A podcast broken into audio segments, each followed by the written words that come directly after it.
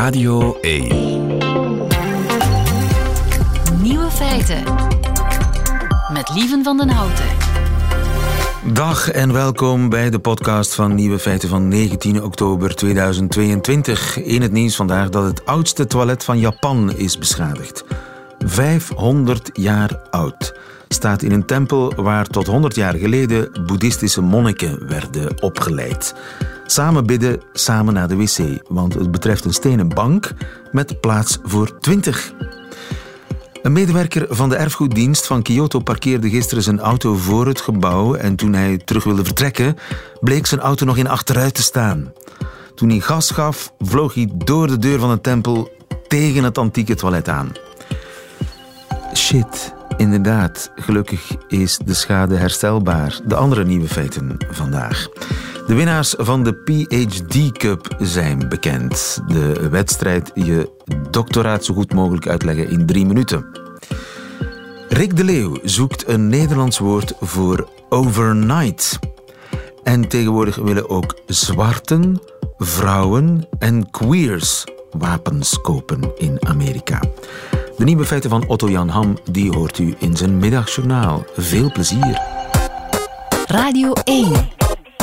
Nieuwe feiten. In de Amus in eh, Antwerpen vochten gisteravond acht bollebozen om de PhD Cup, de trofee voor de doctoraatstudent die het best zijn thesis kan uitleggen. En dat aan een breed publiek en in drie minuten rond.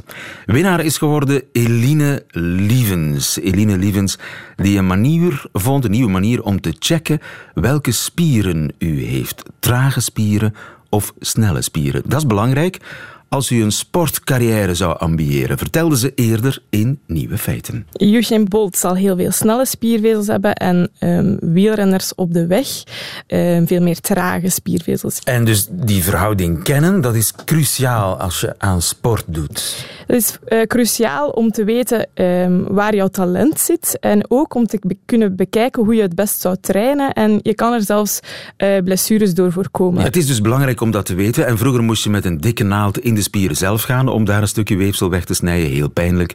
Om daarna te kijken welke weefsels erin zitten, snelle of trage. Maar Eline heeft ontdekt dat het ook met een pijnloze scan kan.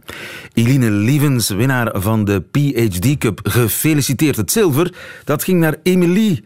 Goedemiddag, Emilie Cardon. Goedemiddag.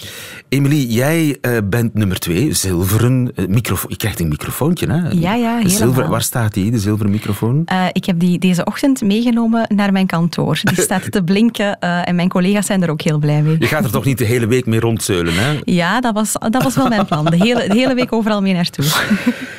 Emilie Cardon, jij bent op zoek gegaan naar tinnitus in het brein. Tinnitus, oorsuizingen, waanzinnig veel mensen hebben daar last van, hè? Ontzettend veel. Hoeveel? Ja. Uh, we weten uit uh, internationaal onderzoek dat ongeveer 1 op 6 personen dat ervaart. 1 op 6? Ja, dat is ontzettend veel. Nu, ik wil daar onmiddellijk wel bij zeggen, niet iedereen heeft daar evenveel last van.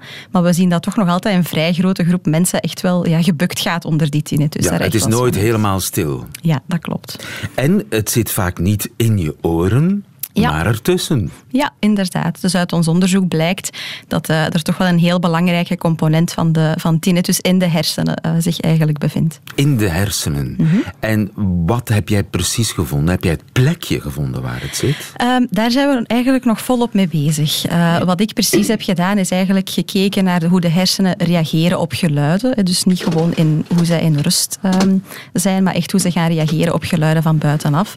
En dat blijkt toch helemaal anders te zijn bij mensen met tinnitus dan mensen zonder. Ja, en dus je hebt een muts gezet op uh, mensen en dan, jij, jij kunt eigenlijk uh, zien of iemand tinnitus heeft of niet. Jij kunt dat vaststellen, gewoon ja. met een hersenscan. Ja, dat klopt. Dus we zetten inderdaad zo'n muts met allemaal elektroden op het hoofd van de mensen en dan kunnen we eigenlijk gaan kijken hoe reageren uh, de hersenen op die geluiden. En dan zien we dat sommige gebieden echt wel veel minder goed op die geluiden van buitenaf kunnen reageren ja. bij mensen met tinnitus. Dus mochten mensen zijn met twijfel, heb ik wel tinnitus of niet, dan kunnen ze eigenlijk bij jou terecht. Meestal weten mensen zelf wel goed of ze ja. tinnitus hebben of niet. Uh, die meting gebruiken we niet zozeer om het na te gaan, maar gaan we eerder gebruiken in de toekomst voor allerlei nieuwe ontwikkelingen binnen het onderzoek naar tinnitus. Nieuwe ontwikkelingen, versta oplossingen? Want eigenlijk zijn er nog geen oplossingen, echte ja, oplossingen. Ja, dat klopt. Ja. We moeten echt wel als onderzoekers in het domein durven toegeven dat we het momenteel niet kunnen genezen. Dus we kunnen dat tinnitusgeluid niet helemaal wegnemen. Uh, wat er wel is momenteel zijn verschillende behandelingen die op zijn minst toch al de impact van die tinnitus kunnen verminderen. Ja, maar als je beter zou kunnen lokaliseren waar in de hersenen het zit, dan kun je misschien een oplossing dichterbij brengen. Dat is het idee. Dat is inderdaad het idee, ja. Goed gezegd en veel succes verder. Uh, gefeliciteerd met je zilveren uh, PhD Cup Emilie Cardon. Dankjewel. Dan gaan we naar brons. Naar Hannes Mareen. Goedemiddag, Hannes. Goedemiddag. Hannes, jij hebt het probleem van de piraterij opgelost. Wel, ik zal niet zeggen dat ik uh, het helemaal opgelost heb, maar uh, ik heb wel meegewerkt aan een, een, nieuwe methode om, om piraten te kunnen traceren. En dan hebben we het niet over piraten op zee, hè? Nee, klopt. Maar uh, piraten op internet. Yes. Het zijn mensen die films illegaal verspreiden, vaak nog voor de officiële release, hè? Ja, dat klopt. Wanneer is dat zo al gebeurd? Uh, bijvoorbeeld uh, in 2015 werden afleveringen van Game of Thrones al uh, een week voor eigenlijk het nieuwe seizoen um, uitgebracht zou worden, werden die al gelekt op piraterijwebsites. Zonder dat de makers er een cent voor kregen. Inderdaad. En eigenlijk ook de hele ja, launch verknallen en versteren op die manier. Een stukje wel, inderdaad. Nu, je hebt een manier gevonden om de dief te pakken. Leg dat eens uit. Ja, dat klopt. Um, dus eigenlijk waren die afleveringen enkel bedoeld voor recensenten, hè, om daar reviews over te schrijven. En de Game of Thrones makers hadden eigenlijk al een plannetje. Ze hadden naar elke recensent uh, afleveringen verstuurd met daarin een uniek watermerk. Uh, zodat ze kunnen een weten... soort vingerafdruk, onzichtbare ja. vingerafdruk die zegt, ja, ja, dat is die kopie die jij gekregen hebt en waarvan jij hebt uh, beloofd om ze niet aan iemand anders te laten zien. Ja, dat klopt inderdaad. Uh, dus als iemand het dan toch aan iemand anders laat zien en dan uh, voornamelijk op het internet zet, dan kunnen de Game of Thrones makers eigenlijk gewoon bekijken uh, ja, wie heeft het gedaan aan de hand van dat watermerk. Daar zit het lek. Ja, want zo'n watermerk is niet altijd waterdicht, hè, zeg ik altijd. Um, dus de, de, de echte recensent die eigenlijk een piraat is, die kon ontsnappen door het watermerk gewoon wazig te maken, want ze hadden daar een zichtbaar watermerk in gezet. Oké, okay, dus er zijn mensen die zich dan voordoen als recensenten, maar eigenlijk foute bedoelingen hebben. Eigenlijk zijn het piraten die op die manier veel eerder dan wie dan ook ter wereld een kopie van die zeer gegeerde nieuwe afleveringen van Game of Thrones in handen heeft en die verdoezelt dat watermerk. Die kan dat watermerk wazig maken. Ja, dat, dat is klopt. niet zo moeilijk eigenlijk. Um, inderdaad, dat hangt af van de watermerktechniek. Degene die zij toen gebruikt hadden, die was inderdaad heel makkelijk, uh, ja, die, wa die, watermerken waren heel makkelijk te verwijderen. Ja, en zo kon de dief zich vermommen, maar daar heb jij wat op gevonden. Ja, dat klopt. Ik heb aangetoond dat we de piraat toch nog kunnen vangen, zelf al is dat zichtbare okay. watermerk waardig gemaakt. Hoe? Uh, dat deed ik eigenlijk door gebruik te maken van de neveneffecten van videocompressie. Uh, en video's... Videocompressie. Ja. Wanneer en hoe gebruik je videocompressie? Dus eigenlijk elke video die wij zien op tv of op internet, uh, die zijn gecomprimeerd. Uh -huh. um, en dat is normaal, want anders zouden die video's veel te veel ruimte in beslag nemen. Uh, dan zou het dan niet over uw internetlijn kunnen verstuurd worden. Dus comprimeren we het om die, om die bestandsgrootte te verkleinen. Maar daar worden allemaal kleine foutjes in de video gemaakt. En die, die foutjes die zien wij typisch als mens niet, dat, of dat stoort ons helemaal niet. Maar die zijn er wel. En die kunnen we eigenlijk gebruiken om de piraten te gaan traceren. Hoezo? Uh, dat komt doordat als we een, een uniek, uh, unieke video maken met een unieke watermerk daarin en dan comprimeren we die, dan zijn al die kleine foutjes telkens anders. Dus elke recensent zal niet alleen een video krijgen met unieke watermerken daarin, unieke zichtbare watermerken, maar ook met unieke onzichtbare kleine foutjes. Oké, okay, want ook dat watermerk wordt eigenlijk gecomprimeerd en ook daar zitten dus foutjes in. Ja, dat klopt. En die verspreiden zich ook niet alleen in de regio waar het watermerk zichtbaar is, maar ook in de andere regio's daar rond. Oké, en dus daar zie je sporen van dat watermerk. Ja, dat klopt. En die kunnen we dan gaan gebruiken als forensisch onderzoeker. En de piraat die dat nu weet, dankzij jou, die kan misschien die foutjes ook verdoezelen. Of is dat onmogelijk? Uh, die kan dat proberen, inderdaad. um, in principe weten we dat als die de kwaliteit van de video bijvoorbeeld heel sterk doet zakken, dan wordt het moeilijker om die foutjes toch te gaan gebruiken, omdat ze dan ja, verdoezeld zijn. Maar natuurlijk, ja, wie wil een, een video van een heel slechte kwaliteit op het internet zetten, dan zou ook niemand meer geïnteresseerd zijn om een, ja. een aflevering van Game of Thrones te bekijken. Dus jouw systeem is redelijk onkraakbaar, denk je? Uh, ja, ik, ik daag de mensen graag uit om het te proberen. Heeft Hollywood al gebeld? Uh, nog niet. Uh, nog misschien nog na het radiogesprek. de onkraakbare methode om uh, piraten te klissen. Ontdekt door Hannes Mareen en die voor zijn boeiende en heldere uitleg gisteren in de Amuse in Antwerpen met de bronzen microfoon naar huis ging. Waar staat die van jou, Hannes? Uh, ik kreeg de suggestie om die op mijn nachtkastje te zetten. Uh, ik heb ze van, vandaag gewoon op de, op de eettafel gezet en ik plan ze mee te nemen naar kantoor. Ik denk dat ze daar wel de heel mooi zal staan. De eerste weken neem jij geen afscheid van je bronzen microfoon. ja. En je hebt gelijk. Het ontbreekwoord. Rick de Leeuw gaat op zoek naar woorden die in onze taal helaas nog niet bestaan. Met een stukje brood de saus van je brood, van je bord eten, dat heet voortaan sopperen. En een paniekdoos, die dient om snel, snel de rommel in huis in weg te moffelen als er onverwachts bezoek komt. Dat zijn allemaal woorden, sopperen, paniekdoos, die niet langer ontbreken. Met dank aan uw luisteraar en aan Rick de Leeuw. Goedemiddag, Rick. Goedemiddag. De man die zijn volk leerde woorden zoeken. Welkom ook Inderdaad. Ruud Hendricks, hoofdredacteur bij Vandalen en zoals uh, steeds de jury. In deze, welk woord, Rick, zochten we vorige week?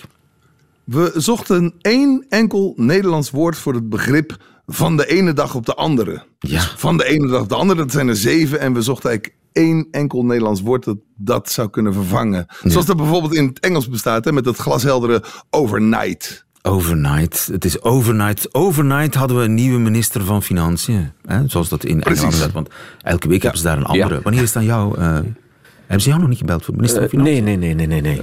Ik ben gepland rond kerstmis. Dat- Oh ja? Ja. Oké, ja. dan neem ik de eerste week van januari. En jij, Rick? De eerste week, de tweede Ik ben week altijd van het- beschikbaar. Altijd beschikbaar. Ja. Er valt altijd te praten. Nu, eh, is er veel reactie gekomen? Ja, en nog even, de voorzitter heeft ons vorige, Ruud heeft ons vorige week uitgelegd dat in het Nederlands overnachts Ja, bestaat. overnacht. Maar dat hebben we Precies, uitgesloten, hè? Want dat, dat, dat staat in Vandalen, maar niemand gebruikt het. Dus ja, dat is... Maar niemand gebruikt het, heeft nooit de weerklank gevonden. M- Moon Wouben uit Maastricht wijst ons erop dat het in het Limburgs wel degelijk ingeburgerd is. Eh, de Overnacht. Overnacht. Hij heeft al Overnacht. gedaan. Dus daar, daar is het blijkbaar wel inge, inge, ingeburgerd geraakt in het Nederlands Limburg. Nederlands Limburg. Inderdaad, niet Belgisch Ja. Limburg. Oké. Maar er waren veel reacties. Nee, of want dat is een hele moeilijke opdracht, hè? Het was een moeilijke opdracht. Eh, misschien ook omdat in het voorbeeld een overnight sensation werd genoemd. Dus veel mensen zijn op die sensation doorgegaan. Ehm, en Kees Brunia die vindt dat het Nederlands met instant reeds een goed alternatief in huis heeft voor van de ene dag op de andere. Dus een, een instant succes. En daar heeft hij misschien een punt, maar in de Vandalen betekent instant vooral kant en klaar. Dus Ja. instant koffie. Kant Juist. en klare koffie. En dat is niet de betekenis die we hier zoeken. Dus het, het, het was misschien een wat eh diffuus, diffuse vraag. Oké, eh, eh, hebben we toch een soort top 3 of top 5? Ja, natuurlijk. Ja, ja. Tot, zover de kanttekeningen. De top 5. Eh Dian Broekhoven komt met donderslags. Dus Donderdags, maar donderslags. donderslags. Donderslags. Ja. Als een donderslag bij heldere hemel. Ja, dat zit erin. Niet slecht. Een kanshebbertje, denk ik. Een, een kanshebber. Maar we hoorden de mm van de voorzitter. Ja, maar het, is een, het wordt een moeilijke vandaag. Ik voel het al. Het, het wordt heel moeilijk. Eh, Xander Stro komt met flitselings. Flitselings. Flitselings. Commentaar eh, van... Ja, weet je, ik, wat, wat, wat ik een beetje mis, is dat idee van er gaat de nacht overheen. Hè, flitselings kan ook. Flitselings is nu onmiddellijk. Ja. Plots. Ja. Dat hebben we al. Een woord voor plots ja, hebben plots we al. hebben we al. Hè. Maar zo het idee van... Er is, Er is een gisteren was het nog, gisteren ja. was nog Ja. eh, vandaag zijn we wakker geworden in een andere wereld. Ja. Dat, Ja. dat idee zit dat is niet flitselings. Flitselings, een mooi woord, maar te snel. Ja, Denk ik. te snel, inderdaad. Ja. Eh Micha Bavin zegt Elvenderweg. Nou, Oh. chic. Maar eh Elvenderweg, ja, dat ga, ga je dat niet iedere keer moeten uitleggen? Ik Elvenderweg? vrees ervoor, ja. Elvendertigst, daar doet het een beetje aan denken, maar dat is Ja. iets anders, hè? Ja, ja, ja. Dat is nog dus- trager, dus- hè? Op Ja, zijn- dat is dus zijn ook... Ja. Dat is te traag. he- heeft Michel daar zelf een uitleg voor, voor Elvenderweg? Ehm, hij eh, heeft het heel eh, eh, romantisch wat eh, ehm, eh, proberen te, te omkaderen door te zeggen dat het kan zijn dat de elfjes het s'nachts hebben gedaan. Dus dat, dat het, het toeval een grote rol speelt. Dus een, een beetje een sprookjesachtige invulling geeft hij daar. Ja, nu, eh, met, met die kennis vind ik het wel mooi. Ja, inderdaad. Elvenderweg. Maar het, het, het legt dan wel weer de, ehm, de, de, de kracht buiten het ding zelf. Hè? Als de elfjes het doen. Ja. Oké. Het- je, je hebt nog wel een aanname nodig om dat woord te gebruiken. Maar Ja. El van der Weg, ik vind, dat, ik, als, eh, ja, ik vind het mooi. Ja. Eh, Machteld van Pottelberg komt met Springdags. Springdags. Dat heeft wel iets. Ja? Nee. Leg eens uit, nieuwe. Probeer mij eens te overtuigen. Omdat er ook een, een springdags, er zit een, dat dag zit erin, dus er is, er is, het is iets van vandaag. Het is niet iets van nu, het is iets van een dag. En springdags, ja. Het, het, zou, Zu- Zuid-Afrika, het zou in Zuid-Afrika kunnen gebruikt worden. Als Oké. springdags. Oké. Ja, een soort haasje over. Dus je, Ja. je springt over een nacht heen en de volgende dag ben je er. En dan is Juist, het ja, voilà. Nieuw.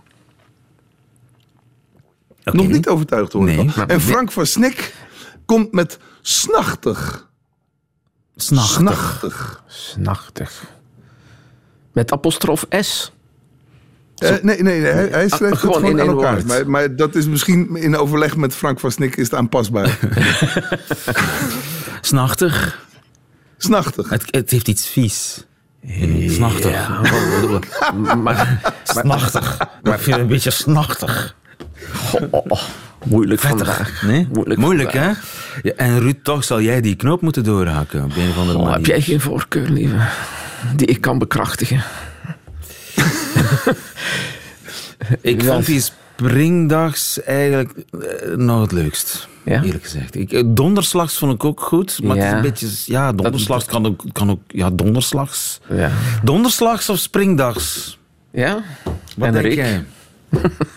Ja, ik vind die El van der Weg, die komt zo eh, uit, het, uit het wonderlijke niets, komt dat opeens Ja, op je weg. Ik vind, dat, ik vind dat mooi, maar ik, ik snap de kanttekening van Ruud, dat, dat, je, dat je dat moeilijk ingeburgerd gaat krijgen. Ja. Donderslags. Doen we donderslags? Donderslags. Oké, ik Donderslag. donderslag. Donderslags, we hebben hem deze week met Oké. enige moeite. Donderslags. Ja. Proficiat Dian Broekhoven eh, voor het vinden van donderslags. En ik hoop voor jou dat het woord ingeburgerd raakt en ooit op die manier zijn weg vindt naar de Vandalen zelf. Rick, een nieuwe opdracht graag. Iets minder moeilijk. Heel graag. Ja, ja, ja, ja, we zullen hem helder maken. Het is deze week in het hele land Woche für Deutsch, ofwel de week van het Duits. Inderdaad. En dat is iets waar we graag even bij stilstaan. Ook bij nieuwe feiten. De Duitse taal is voor deze rubriek sowieso een waarlijk paradijs vol woorden waar we in het Nederlands überhaupt geen equivalent voor hebben. Überhaupt niet. Nee. En een van de mooiste Duitse woorden is misschien wel verslimbesserung. Ja. Verslimbesserung. Wat betekent verslimbesserung? Dat is als je in een poging om iets te verbeteren het juist alleen nog maar erger maakt. Komt dat voor? Eh, ik neem dat ook bij jou nu onmiddellijk één of meer voorbeelden te Dat binnen komt in mijn leven niet voor. Oh. Maar, nee, nee, dat- ik maak een grapje. Uiteraard komt dat voor. Iedereen kent het fenomeen, hè? Mhm. We hebben iets proberen te verbeteren en eigenlijk hebben we het slechter gemaakt. Juist. We Verslimbesseren. wrijven, we wrijven in de vlek. Verslimbesseren. Ver, ver, ver, Verslimbesseren. Verslechterbeteren. Ja, dat klinkt niet, hè? Nee, nee, nee. Da- Daar moet je dus niet mee afkomen met verslechterbeteren, want dat, dat, Dat krijgen we niet uitgesproken. Dat krijgen we niet uitgesproken. Dus, mocht u een alternatief hebben voor verslechterbeteren... Hmm. een, Ik zou gewoon bij de verslimbesserung blijven. Verslimbesserung. het Duits. Verslimbesserung, we kunnen het ook gewoon overnemen. Dat kan natuurlijk. Als we geen beter woord vinden, Ja, Ruud, dan maar- nemen we het over. Maar we hebben het in de dikke, hè? Verslimbesserung Denk ik. staat Ja, in ik de denk het dikke. wel. Ja, ik denk het wel. Maar goed, we moeten dat toch kunnen in het Nederlands. Dat moeten we toch kunnen. Dus heeft u een alternatief voor verslimbesserung? Laat het ons weten via de Radio 1 app of via de Facebookpagina van Rick de Leeuw. Dankjewel, Rick. Luisteraar, het is aan u. Het is aan u en ik hoor jullie en zie jullie volgende week terug. Nieuwe feiten. Amerikanen die nog geen wapen hadden en er de voorbije jaren toch één hebben aangeschaft, daarvan is één op de twee een vrouw en één op de vijf zwart. Marie Meijer, goedemiddag. Goedemorgen vanuit voor- de Verenigde Staten. Want jij zit in Georgia, het is half zeven. ja. Eh, eh, eh, iets over half zeven in Georgia. Marie Meijer, je bent correspondent Amerika. Geweren in pri- privébezit, eh, zo wil het cliché, dat is traditioneel een zaak van witte mannen. Of ben ik daar verkeerd in, in de Verenigde Staten? Nee, dat, dat klopt. Dat, dat laten de statistieken ook, eh, ook zien. Dat eh, het grootste gedeelte van de Amerikaanse wapenbezitters is man en wit. En nou ja, ze zeggen natuurlijk niet bij de toonbank bij het afrekenen wat ze stemmen. Maar eh, over het algemeen wordt ook aangenomen dat ze conservatief zijn. De Republikeins. En hoe Ja. komt dat eigenlijk? Dat betekent dat, dat de zwarte, het zwarte volksdeel in Amerika minder wapens heeft. Hoe, hoe is dat te verklaren? Eh, nou ja, ik kan wel iets zeggen over California. Dat is de staat waar ik, eh, waar ik woon en waar ik ook eh, correspondent ben. Ik ben nu in Georgia om verslag te doen van de voorverkiezingen. Die zullen op 8 november plaatsvinden. Ehm, in California zit het zo dat in de jaren 60 ehm, de zwarte burgerrechtenbeweging zich ook begon te bewapenen. Dat waren dan met name de Black Panthers. En ehm, die ehm, waren bijvoorbeeld eh, helemaal klaar met politiegeweld in hun wijken. En die dachten, nou, we gaan gewoon ook patrouilleren met wapens. Want als iedereen een wapen mag hebben, waarom dan wij niet? Eh, ze gingen ook naar het Capitool, dus eh, het parlement ehm, in de hoofdstad van Californië. En daar hebben ze gedemonstreerd voor hun recht op wapenbezit. Wat natuurlijk gewoon mag. Maar het Republikeinse staatsbestuur in de tijd was er niet zo van gecharmeerd om het maar even zacht uit te drukken. Uh, en uh, er werd dus een wet aangenomen, die trouwens samen werd geschreven met de Amerikaanse wapenlobby NRA, National Rifle Association, die tegenwoordig nooit meer zo'n wet zou aannemen, want die is zeer pro-gun. Uh, en die werd, werd ondertekend door Ronald Reagan, toenmalige gouverneur, latere president, om te zorgen dat Californië dus strengere wapenwetten zou krijgen. Aha. Um, dus die gericht waren um, tegen de zwarte bevolking. Nou ja, dat stond natuurlijk niet op die manier in die wet. Um, maar dit was wel de aanleiding voor die wet. Dus Californië tot op heden, het is nu natuurlijk 2022, dus het is al uh, ja, 50 jaar geleden bijna, uh, heeft nog steeds de strengste wapenwetten van de VS. Als en, gevolg daarvan. Ja, en als gevolg daarvan zijn er ook minder wapens en met name ook minder wapens bij uh, de zwarte mensen. Nu, dat is een andere vraag natuurlijk waarom zwarten tot nu toe uh, minder wapens willen kopen dan... Het is misschien cultureel ook, hè? witte mannen. Ik denk aan John Wayne, cowboys. Het zit in de cultuur. Je moet... Ja, en er is natuurlijk veel meer um, stigma jegens... Uh, kijk, dus een witte man met een wapen is een cowboy... en een zwarte man met een wapen is een gangster. Hè? In het soort van het culturele beeld. Juist. dus als je sowieso al... Um, sneller uh, slachtoffer bent, bijvoorbeeld van politiegeweld, of je wordt sneller aan de kant gezet door uh, de Highway Patrol. Uh, ja, ga je dan extra risico lopen met een wapen op, op zak? Ook al is het legaal, snap je? Dus um, ja. ja, je wil gewoon niet, je wil, je wil niet extra risico lopen. Dus dat, daar zal ook wel iets in zitten van. Ja, we willen onszelf niet nog extra in de kijker spelen op een manier die misschien um, ons ten nadele kan komen. Wat Juist. ik volledig begrijp. Maar jij bent, en het was geloof ik in Californië, in een nieuw soort schietclub geweest. Ja, dat klopt. Um, LA Progressive Shooters heet die club en is begonnen door. Progressive een, uh, Shooters. Ja, het zijn. Uh, de het progressieve zijn schutters. het zijn uitgesproken progressieve schutters. Um, en nou ja, die bestaan dus ook. En dat zal ook niet ongetwijfeld niet helemaal nieuw zijn. Maar het is dus nu. Uh, begint daar meer over bekend te raken. En zijn mensen ook meer uitgesproken over het feit dat ze bijvoorbeeld um, van kleur zijn en een wapen willen bezitten. Want nou ja, eigenlijk een soort echo van wat de Black Panthers in de jaren 60 al zeiden. Van ja, waarom, waarom zouden jullie dat eigenlijk wel gewoon doen en wij niet? Weet ja. je wel? Dus in die Progressive Shooters Club, daar vind je geen John Waynes.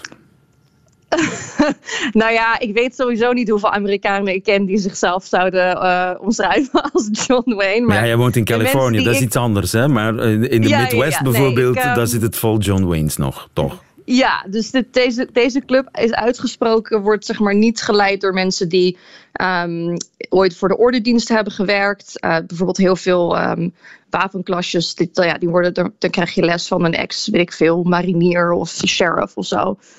Um, maar deze mensen die, die hebben daar niet per se iets mee en die willen gewoon zichzelf kunnen zijn als, nou ja, noem het maar op, hè, queer, van kleur, inheems. En, um, en dat zijn ook de bezoekers van die club. Je bent er naartoe gegaan, heb jij die mensen ontmoet, gesproken?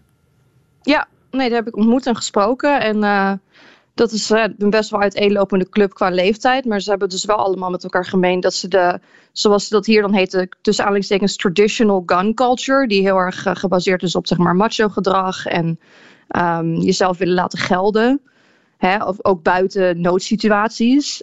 dat, dat daar hebben ze dus niks mee. Dat stoten ze heel erg af. En waarom willen ze dan wel een wapen? Zijn er mensen die jou zijn bijgebleven waar je mee gepraat hebt? Ja, eigenlijk iedereen is me wel bijgebleven. Ik, er is een man die ik heb gesproken, dat is uh, misschien hier wel leuk om te vertellen. Die is niet in het, komt niet in het artikel voor, want er was geen plek meer voor. Dat was een zwarte man en die zei um, dat hij gewoon zich onveilig voelt. En ook uh, dat het hem een soort, ja, niet eigenwaarde, maar een gevoel van zelfbeschikking geeft. Om te weten dat mocht het allemaal hier uit, de, nou ja, uit de klauwen lopen, wat er overigens ook een groot, steeds groter gedeelte van het Amerikaanse volk denkt, um, dat hij dan zichzelf uh, kan beschermen en ook weet bijvoorbeeld hoe die, nou ja, Oh, ja. het bloeden moet stelpen. En, dus daar zou het uh, ook mee te maken ja. kunnen hebben. 2024, stel dat er een Trump-achtige figuur uh, verliest bijvoorbeeld en dat er dan toch een soort revolutie ontstaat. Dan willen, dan willen ook de LGBTQ's en de zwarten en de vrouwen gewapend zijn. Ja, die zeggen, nou ja, we, we, zien, we zien wat we tegenover ons hebben, om het maar even zo te zeggen. Dat is de afgelopen jaren best wel duidelijk geworden. Mensen noemen in interviews ook de Proud Boys en uh, nou, witte christelijke nationalisten. Um, en die zeggen, ja, uh, als dit is waar we mee te maken hebben, dan uh, kunnen wij niet zomaar vreedzaam af zitten wachten in onze huizen. Ja. Dan moeten wij ook weten hoe we hier mee om kunnen gaan. Ja, maar dus je hebt ook lesbische vrouwen met een geweer gezien daar bezig in die club?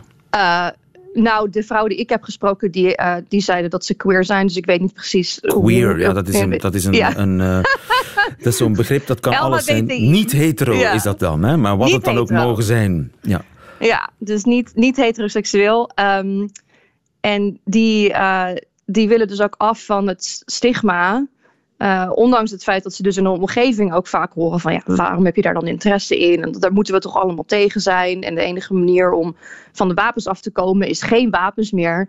Maar bijvoorbeeld de instructeur die ik heb geïnterviewd, die zegt ja, maar dat is hier gewoon helemaal niet realistisch. Je kan wel een soort utopie voor je zien waarin niemand meer een wapen heeft. Maar dat gaat hier gewoon nooit gebeuren. Ja. Dus vergelijkingen met Europa gaan niet op. Uh, dit is een beetje een moot point, zoals ze het hier zeggen. Het is uh, geen argument. Uh, dit is de realiteit waarin we leven. En wat doe ik niet in een gedroomde realiteit, maar wat doe ik in deze realiteit? Ja, en, en dus komen er nog meer wapens. En dus wordt de situatie ja. nog gevaarlijker. En is de kans op ongelukken nog groter geworden. Toch? Ja, dat klopt. Ik heb met een onderzoeker gesproken, ook voor hetzelfde artikel. En die nou ja, de, de cijfers liegen niet. Uh, als er een wapen een, iemands huis inkomt, dus een huis waar daarvoor nog geen wapen was. Uh, en dat wapen, ja, dat woont daar, zeg maar. Het is een aankoop en dat wapen wordt daar ook bewaard. Dan gaat de kans op zelfmoord met 300 tot 400 procent omhoog. 400 procent, ja. Ja, maal ja. vier dus, ja, tuurlijk. Dus het is niet anders. Ook de vrouwen, zwarte LGBTQ's, die eh, willen wapens, want ze willen zich uh, wapenen, letterlijk en figuurlijk, voor als het nodig is. Wapens krijgen nieuwe fans in Amerika en we weten nu ook waarom. Dankjewel. In Georgia, voor ons Marie Meijer. Goedemiddag. Nieuwe feiten. Ik heb droevig nieuws. Droevig nieuws uit Brugge. Onze favoriete vogelkenner Jan de Smet die is overleden. 65 was hij en al een tijdje ziek, de gevreesde ziekte, volksvijand nummer 1.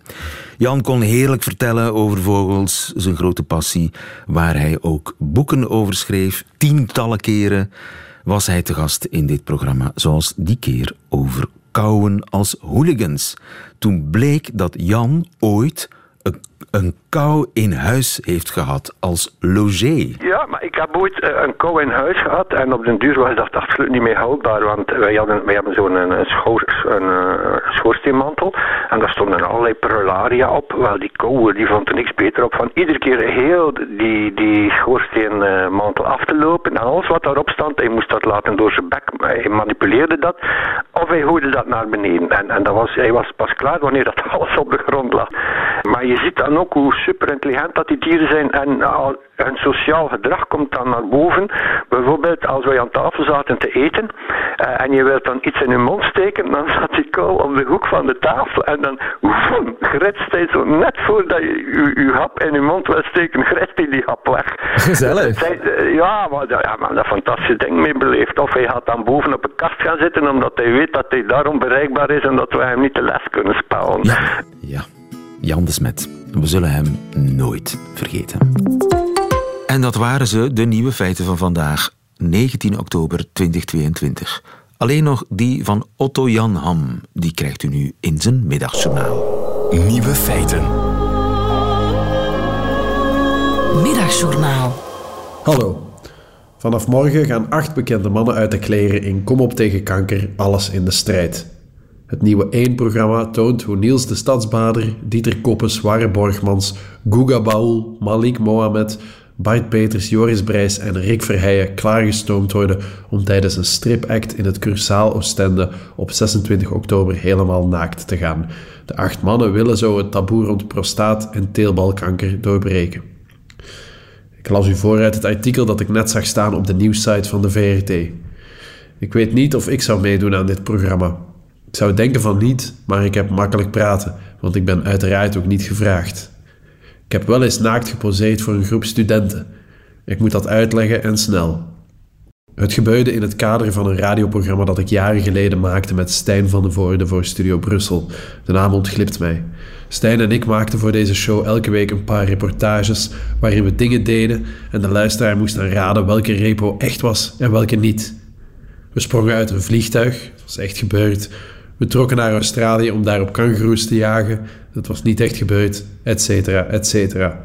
Het was allemaal erg baanbrekend, maar dat deed je in die tijd. Voor één reportage zouden we dus naakt poseren voor een groep studenten. Ik zeg we, maar Stijn had besloten dat hij niet mee zou doen. Iemand moest namelijk de microfoon vasthouden en iemand moest ook een laffe hond zijn. Goed, zand daarover. Het was best spannend. En ook koud die dag, dat weet ik nog. Er zaten een tiental studenten klaar achter een schildersezel toen ik het lokaal binnenkwam om me voor te stellen. Ze waren net druk bezig met een ander naaktmodel. Ik herkende haar meteen. Angie. Daar had ik twee jaar mee in de klas gezeten. Wat leuk haar nog eens te zien. Ze was veranderd. Met de studenten probeerde ik geen oogcontact te maken. Leek me een goed idee om niet al te familiair met ze te worden. Voor hen was ik een homp vlees en spieren, een object. Achter een paravent in de hoek van het lokaal mocht ik me van de docent uitkleden. Daar stond ik dan, mezelf nog even moed in te spreken. Angie kwam er even bij om me wat tips te geven. Best focus je op een punt in de verte, zei ze, want soms heb je de neiging om duizelig te worden. Ja, daar stond ik dan, naakt, naast Angie, ook naakt. Wat herinneringen op te halen aan vroeger. Vroeg me af of ik nog verliefd op haar was geweest. Vast wel, ik was in die dagen verliefd op alle meisjes uit de klas. Het poseren ging aanvankelijk wat onwennig. Ik kreeg van de docent een bezemsteel in mijn handen gedrukt, omdat me dat zou helpen om een goede houding te vinden. Stijn liep ondertussen met al zijn kleren en zijn microfoon tussen de studenten door en maakte ook af en toe een foto voor op de website. Gauw vond ik een punt in de verte waarop het fijn focussen was en ik moet zeggen dat de hele ervaring daarna wel bevrijdend voelde. Hoop dat de 8 BV's dat gevoel ook krijgen wanneer ze op 26 oktober eindelijk het taboe rond prostaat en meteen ook teelbalkanker gaan doorbreken.